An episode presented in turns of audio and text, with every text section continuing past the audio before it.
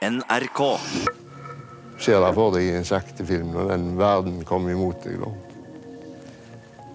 Og uh, merka godt at båten reduserte farten, eller fikk en sånn sug igjen. Men En novemberkveld i 1999 går hurtigbåten Sleipner på grunn nord for Haugesund med 76 passasjerer om bord. Sleipner, Rogaland radio. Ja, en nødsituasjon her. Du er med oppå Blokkså, eh, nord av eh, Ryvalden eh, fyr. Etter en halv time blir baugen revet av. Passasjerene klamrer seg fast til rekkverket på øvre dekk. Så jeg fikk tak i en hengelås i veggen der som var helt nærmt rekkverket. Så, for jeg, var klar, jeg skulle være klar til å hoppe i sjøen, for jeg visste at hvis jeg blir med båten ned, så kommer jeg aldri til å komme meg opp igjen. Du hører på Hele historien, en serie fra NRK Radiodukk. Sleipner-forliset av Edvard Hambro. Del én av to.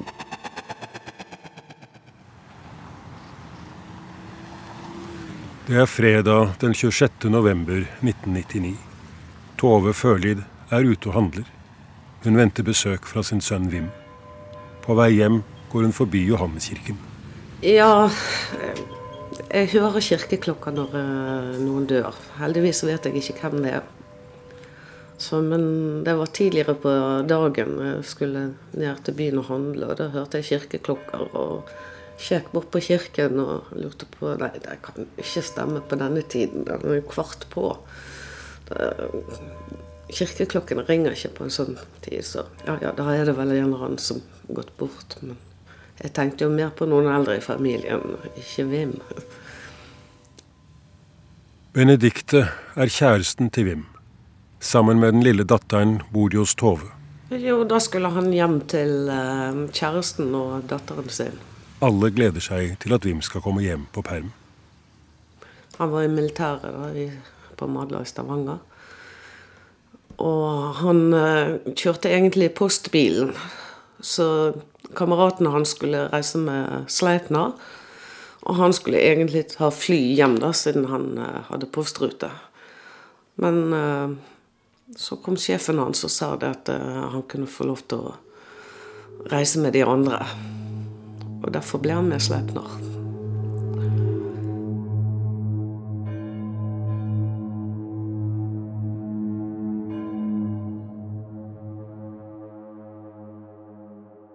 Roy Furre skulle etter planen heller ikke være om bord på Sleipner denne fredagskvelden. Ja, På det tidspunktet så bodde jeg på Stord og jobba i Stavanger og var tillitsvalgt der. og Normalt så pleier jeg å reise med en flaggrutebåt som gikk i ett-tida, men denne gangen var jeg forsinka og tok den eh, siste båten om kvelden fra Stavanger til Stord. Kuling utsatte steder i øst. Rogaland. Sørlig sterk kuling utsatte steder. I nord liten storm. Regn. Det var jo et veldig dårlig vær den dagen, så jeg husker jeg spurte det i billettluka på om båten faktisk skulle gå. Og da sa de ja til. Jeg syntes det var underlig, for det var et usedvanlig dårlig vær. Og jeg kan godt tenke meg at det er mange som valgte vekk den turen pga. været. Jo, jeg skulle til Bergen og besøke en ny niese som jeg hadde fått. Hun var én måned den dagen. Yngvild Tungesvik bor i Stavanger, men skal til Bergen for å besøke sin lille niese. Jeg gleder meg veldig til å se henne. Og i den forbindelse så hadde jeg vært hos Galleri Koll og kjøpt et bilde som jeg skulle ta med til henne. Det var et trykk av Åsmund Haukelisæter. Så jeg hadde med meg et bilde som jeg pakket ned i kofferten min, og var klar til å besøke hun lille Marie i Bergen. De hadde meldt storm, så jeg ble jo advart mot å dra. Men jeg tenkte jeg tåler noen litt bølger, og det går helt sikkert helt fint. Mannen til Yngvild er fra Skottland og heter Andy Watt. Han har drevet med fiske i Nordsjøen og er vant med dårlig vær. Dessuten seiler både han og Ingvild på fritiden. Er det noe han er nøye med, så er det sikkerheten om bord. Denne kvelden følger han Ingvild inn på Sleipner for å se til at hun får seg det tryggeste setet som finnes på båten. Ikke for langt frem, men et stykke unna baugen og nær skipets tyngdepunkt. Right in the middle, not too near the bow, near its center of gravity and center of buoyancy. Pointed to her seat, that's your place, and told her to take a beer and relax. Men jeg tenkte at det siste jeg skal gjøre, det er i hvert fall å ta en pils, for jeg skal være helt klar hvis det kan gå noe galt. For jeg tenkte det er storm, og du skal, må jo være litt forberedt. Så vi dro utpå og gikk over Buknafjorden, og det var jo ganske ruske, men båten tålte det veldig godt.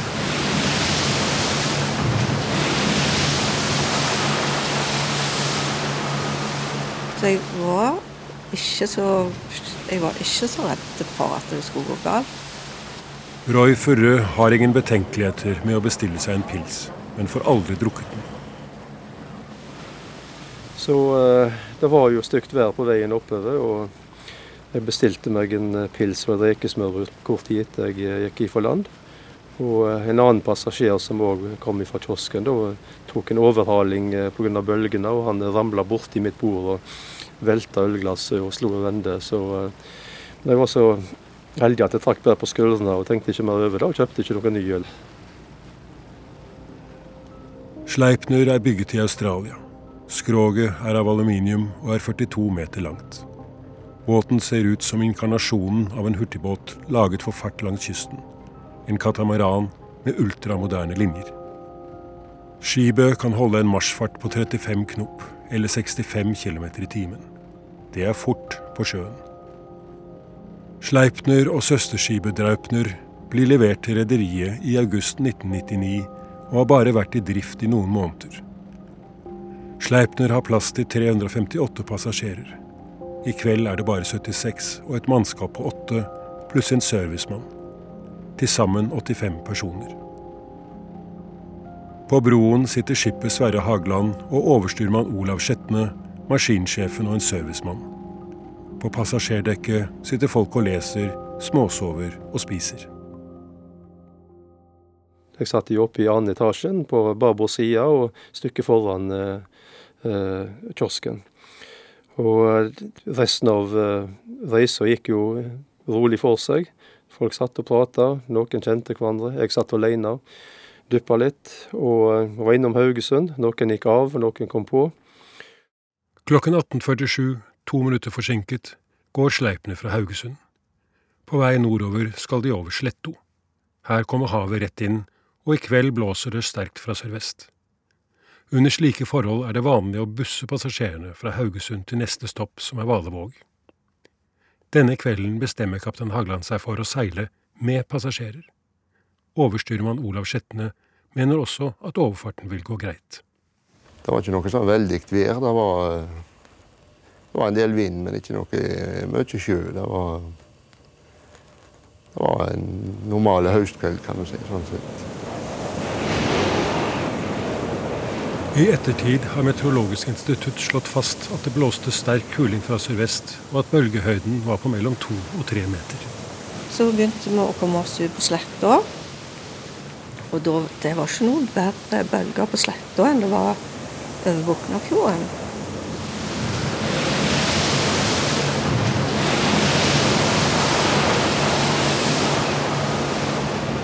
Etter å ha kommet ut fra Haugesund dreier skipet mot styrbord for å følge landet og få de to holmene Lillebloksen og Storebloksen på babord side. Sundet mellom land og skjærene er ca. 750 meter bredt. Lillebloksen er utstyrt med fyrblink, mens Storebloksen bare har en varde som det er umulig å se i mørket. Et stykke foran seg i baugen har de hårskru fyr. Så lenge de ser hvitt lys fra fyret, seiler de riktig. Ser de rødt lys, er de ute av kurs.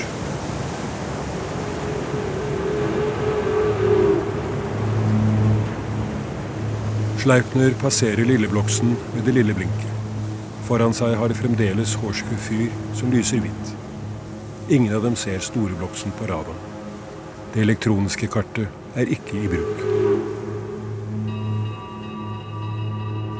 Kaptein Hagland har slått av autopiloten og foretrekker å styre manuelt. Synes han har bedre kontroll da, i den grove sjøen. På brua justerer de radarene for å se storebloksen tydeligere. Overstyrmann Skjetne mener han kan ha holdt på med radaren i kanskje 20 sekunder. Kaptein Hagland husker ikke. Med 35 knops fart tar det ikke mer enn 23 sekunder å komme seg fra Lillebloksen til Storebloksen.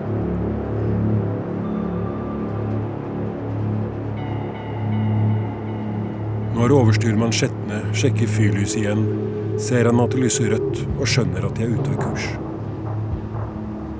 Nå går det feil, sier han til kaptein Hagland. Nå går det på Storbloksen. Hagland skrur på flomlyset. Der, rett i baugen, ser de Storebloksen og Varden. Hagland slår bakk på begge maskinene og forsøker å svinge brått til babord.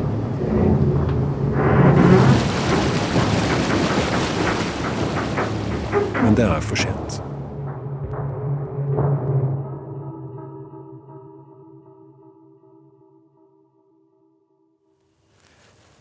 ser deg for deg i en sakte film når den verden kommer imot deg. da. Og uh, merka godt at båten reduserte farten. eller fikk en sånn sug igjen, men allikevel så var det en del fart igjen da, når du for opp på dette skjæret.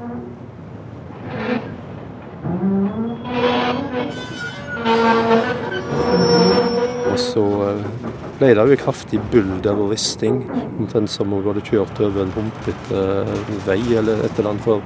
Men det var ikke noe bråstopp. Så kaffekoppen jeg hadde på bordet foran meg, den ble stående, den velta ikke. Sklei ikke, den ble stående stille på bordet. Og eh, jeg skjønte jo ikke hva det var med en gang. Det ble jo masse humping, bråk, rusing av motorlyder. Jeg følte liksom at båten stoppet jo, men det var ikke noe sånn bang-krasj. Det var bare at båten la seg over noe. Det er uvanlig høy vannstand denne kvelden. Hadde det vært lavvann, ville sammenstøtet vært mye kraftigere og med en solid råstopp.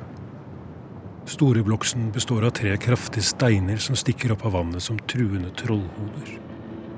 På skjæret lengst mot øst står Varden.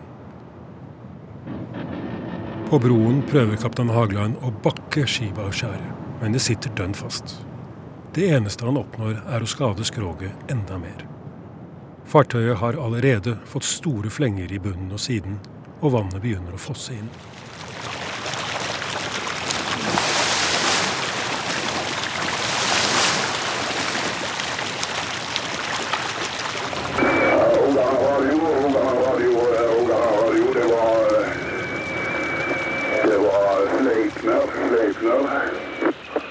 Overstyrmann Skjetne griper VHF-en og kaller opp Rogaland Radio for å be om assistanse.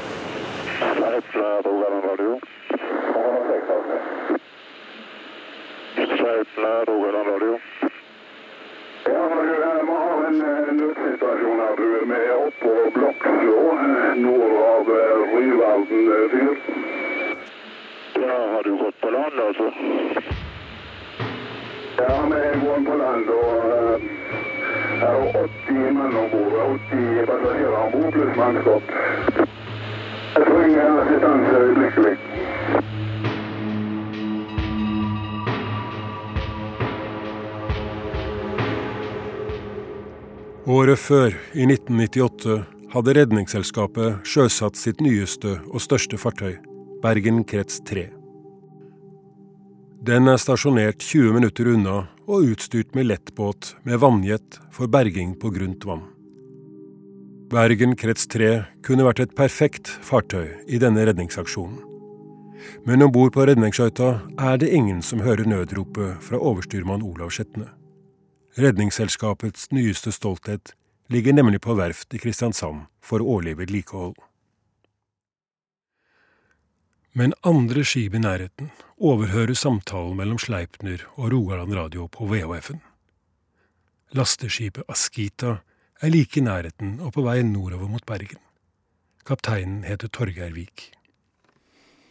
Ja, vi, vi, var på vei til Bergen med, med sand om bord. Og jeg var akkurat kommet på vakt klokka syv om kvelden. Da satt jeg og snakket med kona i telefon. Og da hørte jeg Sleipner ropte at han hadde gått på Blokså. Sleipner, Rogaland Radio, står du utsatt til, er det sånn? Ja, men det står utsatt til med hundre hele båten. altså. Ja, vi står utsatt til. Med riv i sund hele båten her, sier Skjetne. Han er redd for at Sleipner skal bli helt ødelagt av sjøene som slår den mot steinene igjen og igjen. Ja, ok. Har du, vært hos redningsutstyr du? har redningsutstyr om bord, ja. ja. Ja, men jeg har ikke fått mulighet til å gå ned og sjekke det. Det er flåttene ligger bak, så det er, eh, det er eh, dårlig det. Altså, vi får få et helikopter uten det mulig. Ja, vi har, ja, vi har helikopter allerede. Eh, alle båter i nærheten av Sleipner vi må gå til assistanse. Han står på land ved Bloksa nord forbi Ryverden.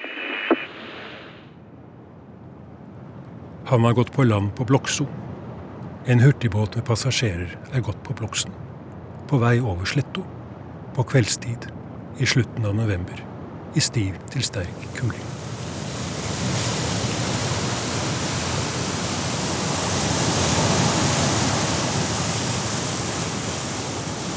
Redningssentralen på Sola slår full katastrofealarm og begynner øyeblikkelig å organisere redningsaksjonen.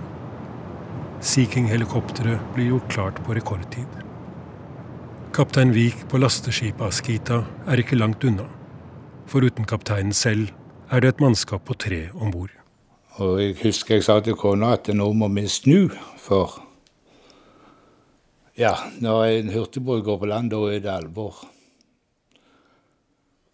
Så jeg bare snudde og satte kursen ut igjen, og så kom jo Rogaland Radio inn og bare båter i nærheten av å gå til ja, til Bloksa, der de har gått på land. Og jeg fikk mannskapet. Det var en som hadde gått og lagt seg, som skulle på frivakt. Han purra jeg ut og fortalte hva som hadde skjedd. og de gjorde seg klar til å Ja, Vi visste ikke hva som ville møte oss når vi kom ut gjennom, men vi Jeg hørte jo samtalen mellom Rogaland Radio og Sleipner. Så jeg forsto jo det var alvor. Nå begynner også passasjerene om bord å innse alvoret i situasjonen. Det utenkelige har skjedd. Hurtigbåten Sleipner har gått på grunn. Eneste trøsten er at de i alle fall står fast på skjæret. Enn så lenge.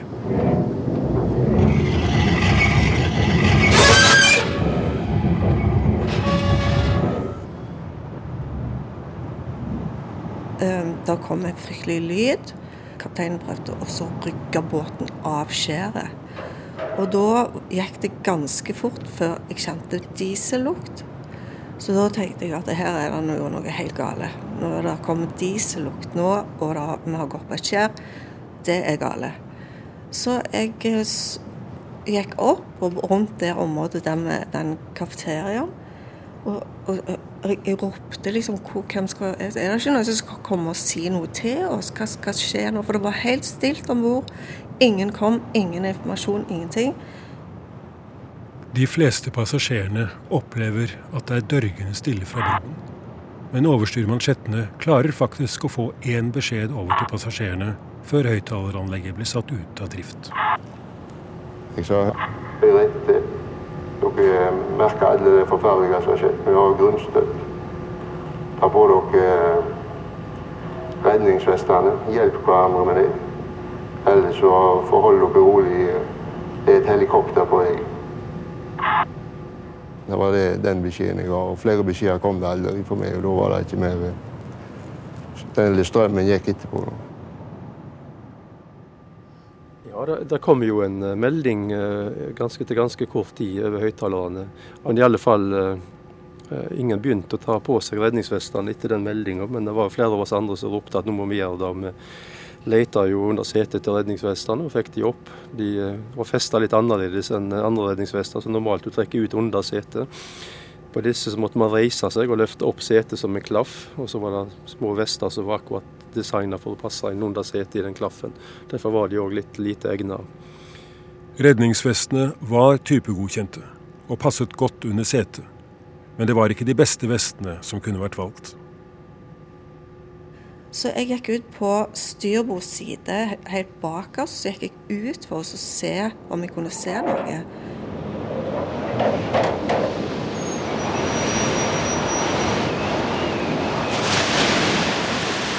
Og da, Der var det allerede vann.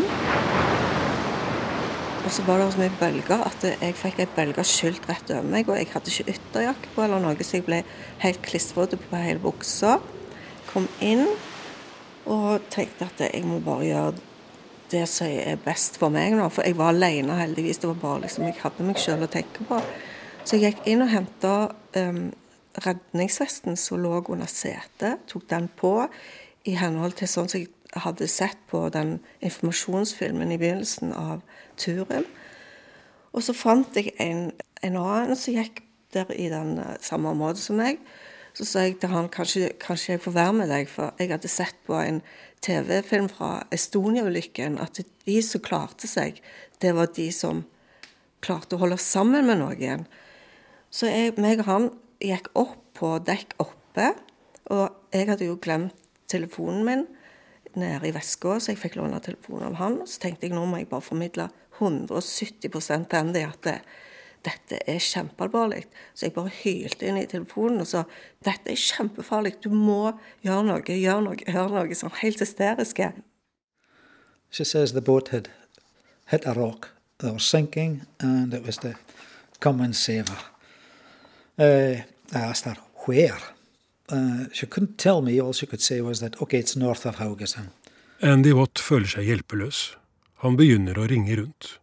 Først til rederiet, men kommer ikke gjennom. Så til politiet, som ennå ikke har hørt om ulykken. Så til en venn i NRK, men han var ikke på jobb og kunne heller ikke fortelle noe.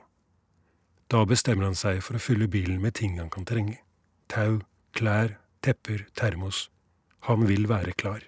So I just started putting things in the car blankets, uh, food, warm clothes, bits of rope, torches, anything I could think of.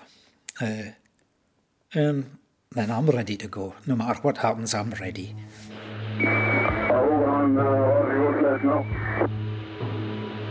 Ja, Serpna Rogaland. Ja, men det ligger mørklagd. Det er noe eneste nødgeneratoren vi har i gang her, da, men eh, Men jeg vet ikke hvor lenge den går. Først går hovedstrømmen. Så starter nødaggregatet umiddelbart, men det er plassert under skipets vannlinje, og skjettene vet ikke hvor lenge det kommer til å holde. Han lurer også på hvor mange skip som er på vei til unnsetning. Det er flere båter som er på vei. eh, eh, Fem-seks stykker som har meldt seg. Eh, men jeg vet ikke om det er noe som helt der da.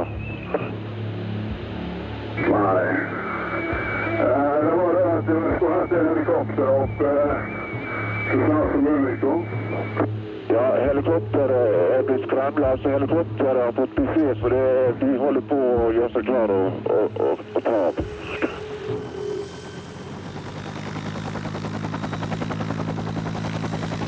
Doktor Olav Eielsen har vakt på legehelikopter i Stavanger denne fredagskvelden. Det var dårlig vær, så vi kunne ikke reise med legehelikopteret. Og da ble det kjapt bestemt at eh, teamet på legehelikopteret skulle gå om bord i Sea King. Vi har vekselvis vakt på Sea King og luftambulansen, så vi er utsjekker på Sea King. Så det gikk helt eh, ukomplisert. For vi trodde jo, og ifølge opplysninger fra Hovedredningssentralen, at eh, denne båten sto på grunn, og at det da kunne være mange bruddskader. For vi hadde noen uker før opplevd en hurtigbåt som sto på grunn litt lenger nord, og der var det mange bruddskader. Så det var det vi forberedte oss på. Eielsen og mannskapet på Sea Kingen er ikke forberedt på et havari. Rogaland Radio og alle skip i nærheten vet at sleipene står på grunn.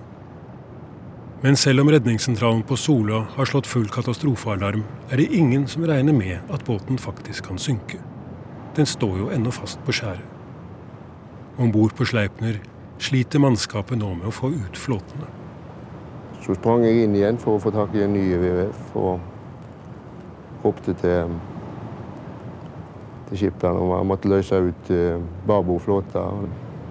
Flåtene er plassert akter på skipet, 30 cm over vannlinjen. Styrbord side ligger allerede under vann og mot Varden på Storebloksen, så de flåtene er det bare å glemme. Men de to på Babos side er det kanskje håp for. På tross av lovpålagt krav om hardværstest av samtlige flåter før båten kan bli satt i rute, har rederiet aldri funnet tid eller vær for denne testen. Under tvil har Sleipner fått en midlertidig seilingstillatelse av Sjøfartsverket på betingelse av at bølgehøyden under fart aldri overstiger én meter. Én meter bølgehøyde tilsvarer at det blåser laber bris. Nå blåser det sterk kuling, og bølgene blir anslått til 2,5-3 meter. Det er altså nesten tre ganger så hardt vær som det Sjøfartsdirektoratet har gitt seilingstillatelse for. Sleipner skulle aldri gått fra kai på denne dagen.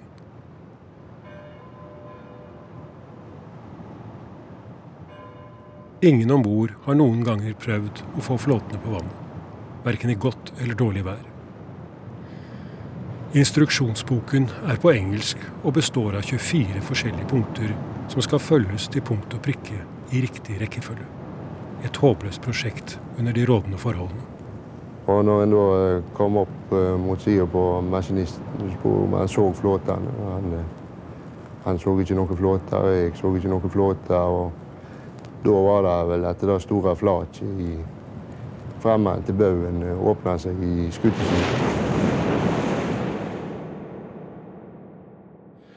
Så gikk det jo litt tid før at alle passasjerene kanskje skjønte alvoret i situasjonen.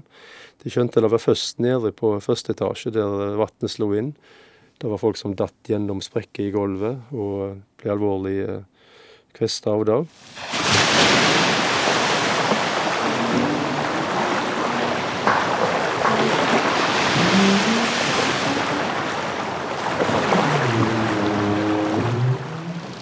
Etter hvert som Sleipner ligger og hugger på skjæret, blir båten mer og mer skadet.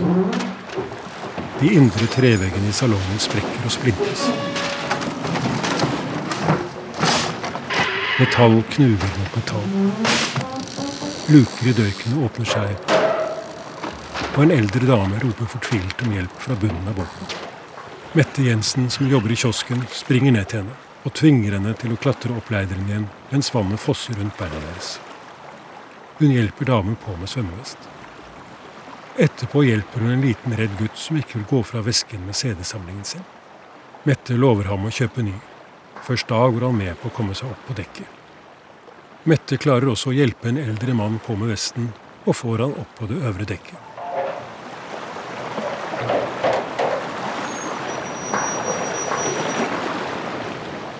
Ingen av disse tre skal klare seg. Uh, de som var nede i første etasje, de begynte jo etter hvert å evakuere opp i andre etasjen. Og til slutt så evakuerte vi jo alle sammen opp på øvre dekk, helt akterut bak. Der sto vi i klynge, alle som var om bord. Med unntak av noen i mannskapet som fortsatt var i styrhuset.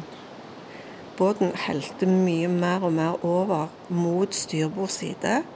Og så bevegde han seg òg mer og mer bak, altså ned på bakover. Så jeg kom meg bort til babos side og fikk eh, klamra meg fast, for det, nå begynte det å bli så stor vinkel at det var vanskelig å stå på dekk.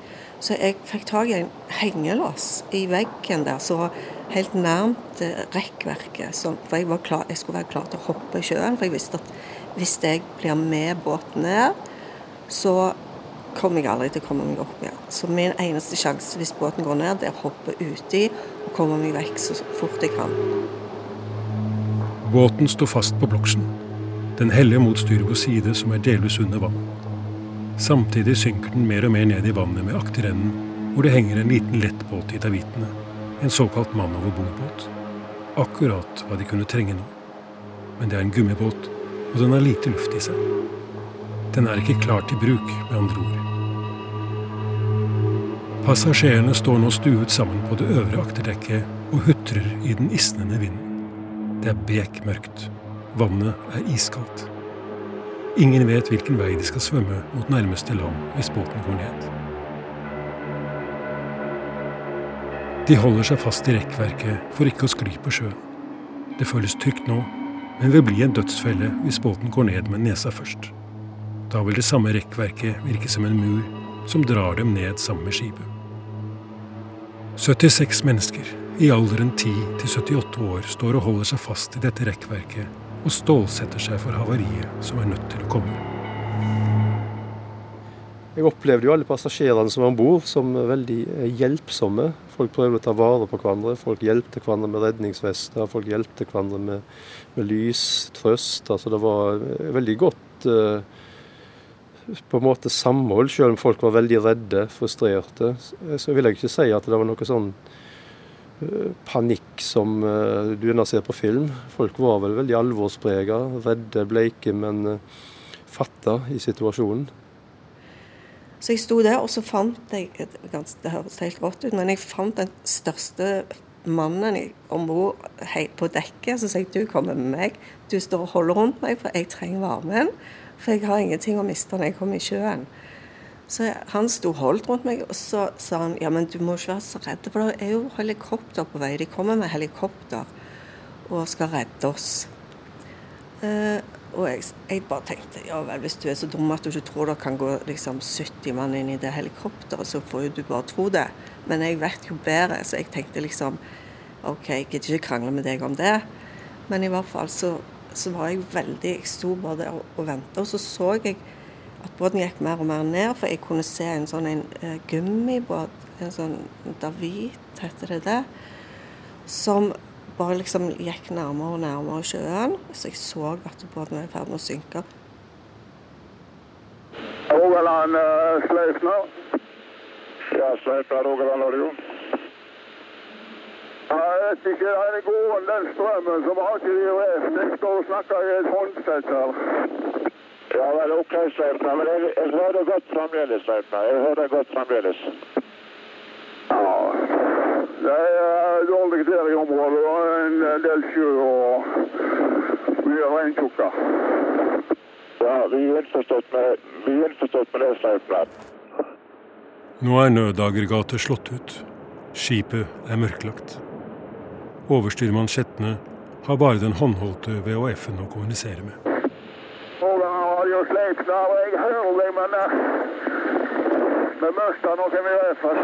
men...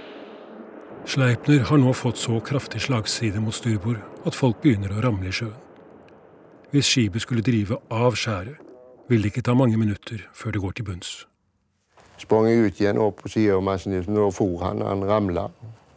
For på rygg over hele toppdekket der. og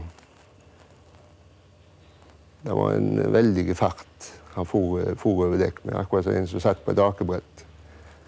Og jeg ja, var vel sikker på det, at, at han kom til å slå seg i hjel når han traff rekkverket på andre sida. Men det, det var vann, altså. Oppå der, og da Det hjelpte vel til at um, det dempa fallet ganske mye. da. Jeg så han reiste seg, og jeg så han famla med noe ned med beina sine, men så for han i neste øyeblikk på sjøen. Baugen er nå blitt revet av. Foran styrhuset er det bare et gapende hull.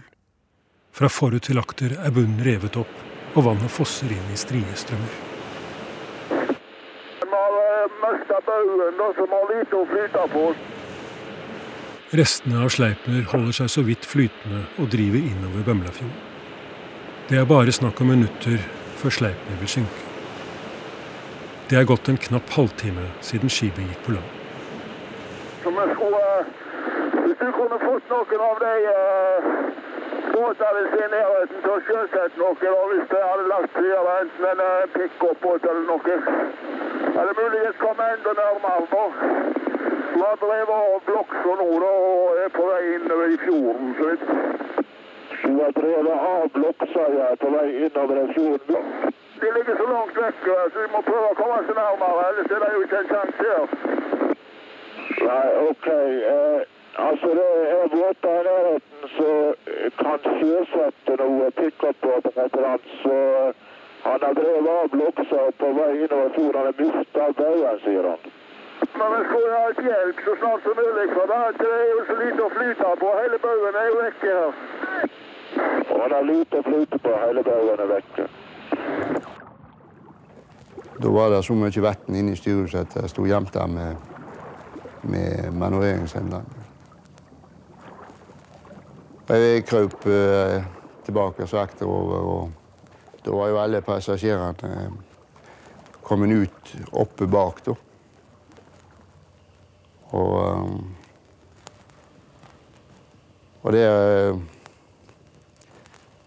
Jeg ropte ned om alle alle var der, Om det sto folk igjen nede, da, men det sa seg jo egentlig sjøl. For vannet vaska opp gjennom leiren fra nederste dekk. Og han, han matrosen kom vekk. Han vi spurte om alle var, var der, da, og nikka han. Og um, jeg husker to øyne som så opp i deg med ganske fortvila blikk og, og um, ropte hva, hva tid kom helikopteret. Jeg svarte det, det kom. Det var, det var, jo egentlig ikke så mye mer å, å si enn det. Heller ikke Roy Furre glemmer synet av overstyrmannsjettene som lyste ned på dem. Og jeg husker jo da når på slutten, rett før vi sang, så krøp jo styrmannen opp på taket fram til akterdekket med det vi sto og lyste ned på oss med lommelykt og så på oss. Og da tror jeg var rett før den siste meldinga han fikk sendt til, til, til eh, nødsentralen. Så var det noen som ropte 'hopp'. Vi hoppa. Da ropte jeg ned igjen at jeg hopper jeg ikke før det er nødvendig.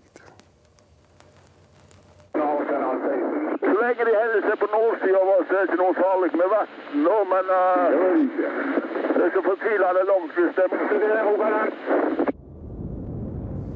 Etter hvert så eh, hekken reiste seg opp, da, så eh, holdt jo mer og mer folk i dette rekkverket. Og så for det inn under inn mot øvre salong. Det brøtna med masse folk.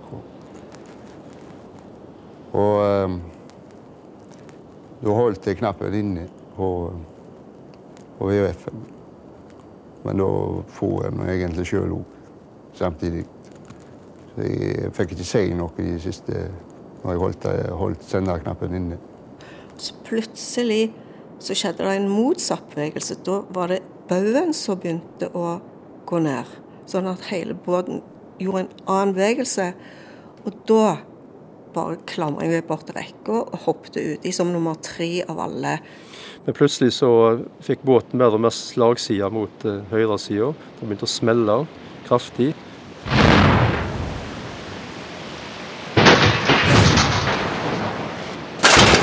Og båten reiste seg plutselig opp med baugen nedover. Så gikk han som et lokomotiv nedover mot uh, båten.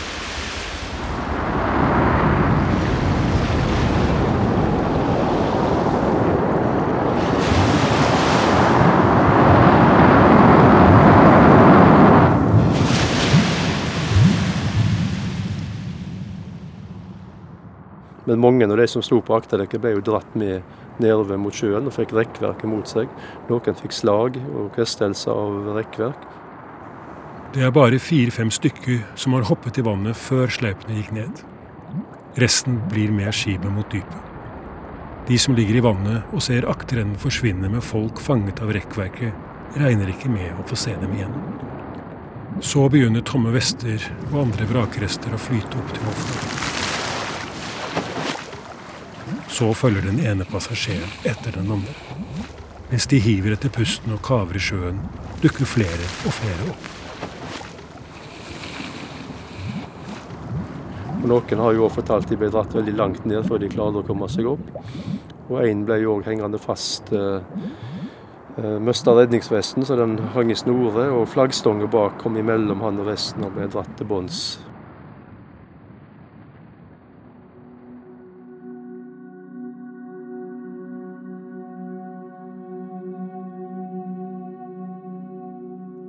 Det er umulig å forestille seg hva slags tanker som går gjennom hodene til de som blir dratt nedover og nedover før de klarer å slite seg løs. Alle passasjerene, minus to, kommer opp til overflaten igjen. Også Dirk Wim Christer Føledsvinkels, som skulle hjem på perm til kjæreste og barn. Hans to kamerater er like i nærheten. En av dem roper til ham og spør om det går bra, og Wim svarer det går fint.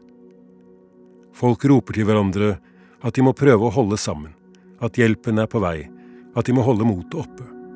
De kan se lyskastere og skip i nærheten. Noen roper ut i redsel og panikk. Så det var jo veldig dramatisk med hyl og skrik. Det var drivstoff i sjøen, diesel. Sjøl så fikk jeg i meg en del av den. Og eh, det var jo vilt kaos. Og eh, pga. det dårlige været og høye sjøen, så ganske raskt så var det vanskelig å se de andre som var gått ut. Man så det nærmeste bølgetopp, man kunne høre skrikene. Eh, men det tok Altså, man drev jo gradvis ifra hverandre.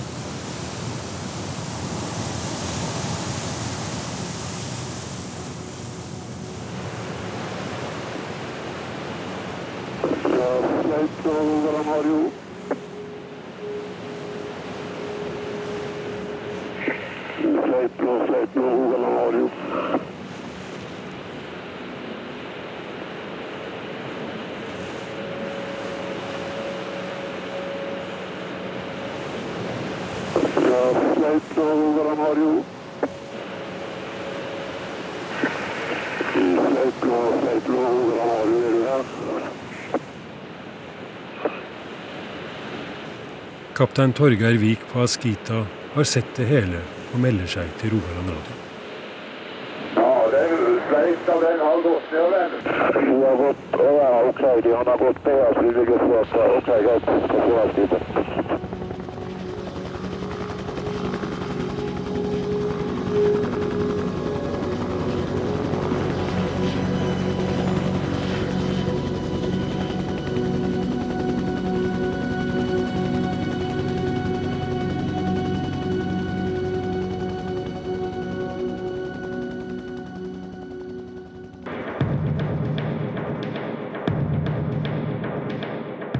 Du har hørt del én av to om Sleipner-forliset.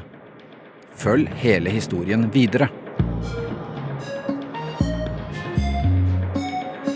Ja, når jeg lå i Svartehavet helt alene og ikke så verken land eller folk eller båter, så var jeg jo faktisk sikker på at jeg skulle dø. Men plutselig så kom dette monsteret av en redningsflåte. Jeg vet ikke det, det går ikke an å forestille seg, men det, det så ut som et sånn lite barnebasseng. Sånn oppblåsbar barnebasseng, bare ganger 120. Denne dokumentaren er laget av Edvard Hambro, lydtekniker Kjetil Hansen og konsulent Line Alsaker.